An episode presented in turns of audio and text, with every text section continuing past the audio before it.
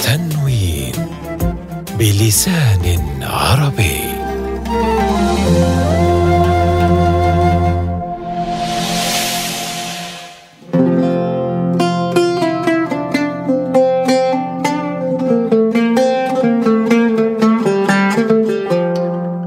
يقول ابن منظور صاحب اللسان أن العجم في اللغة خلاف العرب.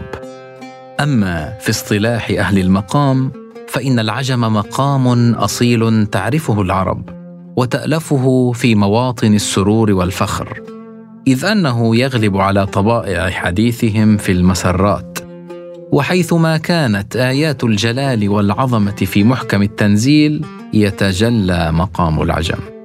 في الحديث عن قدرة الله وملكوته بديع السماوات والأرض لا يخفى عليه شيء في الأرض ولا في السماء وفي الحديث عن أهل النعيم كذلك وفخرهم بما تكرم عليهم مولاهم من النعم في أعالي الجنان الخالدة. ومن الجدير ذكره أن أغلب بلاد المعمورة تعزف أناشيدها الوطنية على مقام العجم وأقصد هنا بلاد العرب وبلاد العجم كذلك. ذلك أن شخصية هذا المقام تبث الحماسة والانبساط في سامعيه. مقطع بطريقة التحقيق.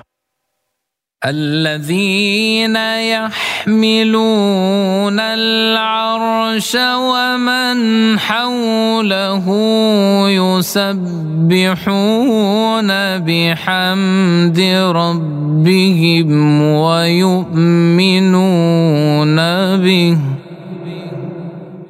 ويؤمنون به ويستغفرون للذين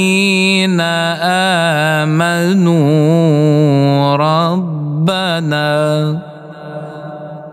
ربنا وسعت كل شيء رحمة وعلما.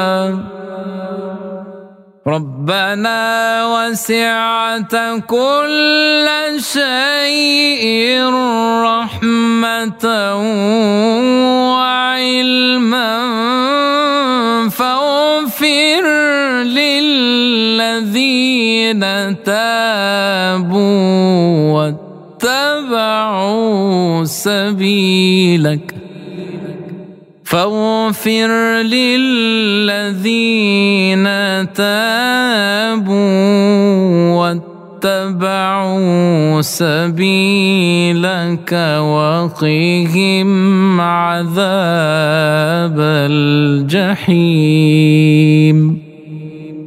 مقطع بطريقة الترتيل. الذين يحملون العرش ومن حوله يسبحون بحمد ربهم ويؤمنون به. يسبحون بحمد ربهم ويؤمنون به ويستغفرون للذين آمنوا. ربنا وسعت كل شيء رحمة وعلما. ربنا وسعت كل شيء رحمة وعلما فاغفر للذين تابوا واتبعوا سبيلك. فاغفر للذين تابوا واتبعوا سبيلك وقهم عذاب الجحيم. مقطع لمديح على مقام العجم. رمضان تجلى وابتسم طوبى للعبد إذا اغتنما أرضى مولاه بما التزم طوبى للنفس بتقواها. رمضان زمان الحسنات رمضان زمان البركات رمضان ملاذ الصلوات في دنيا الناس وأخراها. من فروع مقام العجم مقام عجم صبا. وهو مزيج بين مقامي الصبا والعجم.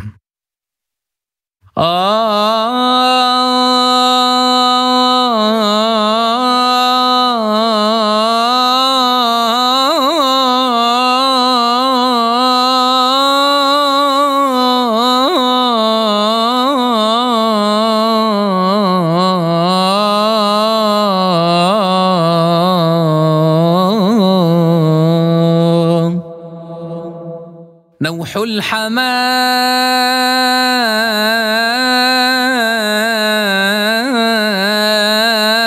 على الغصون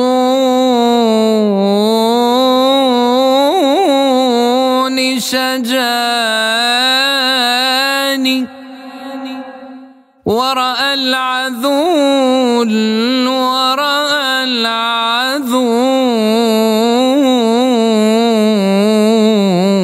صبابتي فبكاني.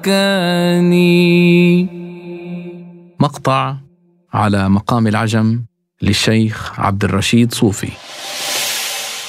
إن الأبرار يشربون من كأس كان مزاجها كافورا. عينا يشرب بها عباد الله يفجرونها تفجيرا. يوفون بالنذر ويخافون يوما كان شره مستطيرا. ويطعمون الطعام على حبه مسكينا ويتيما وأسيرا.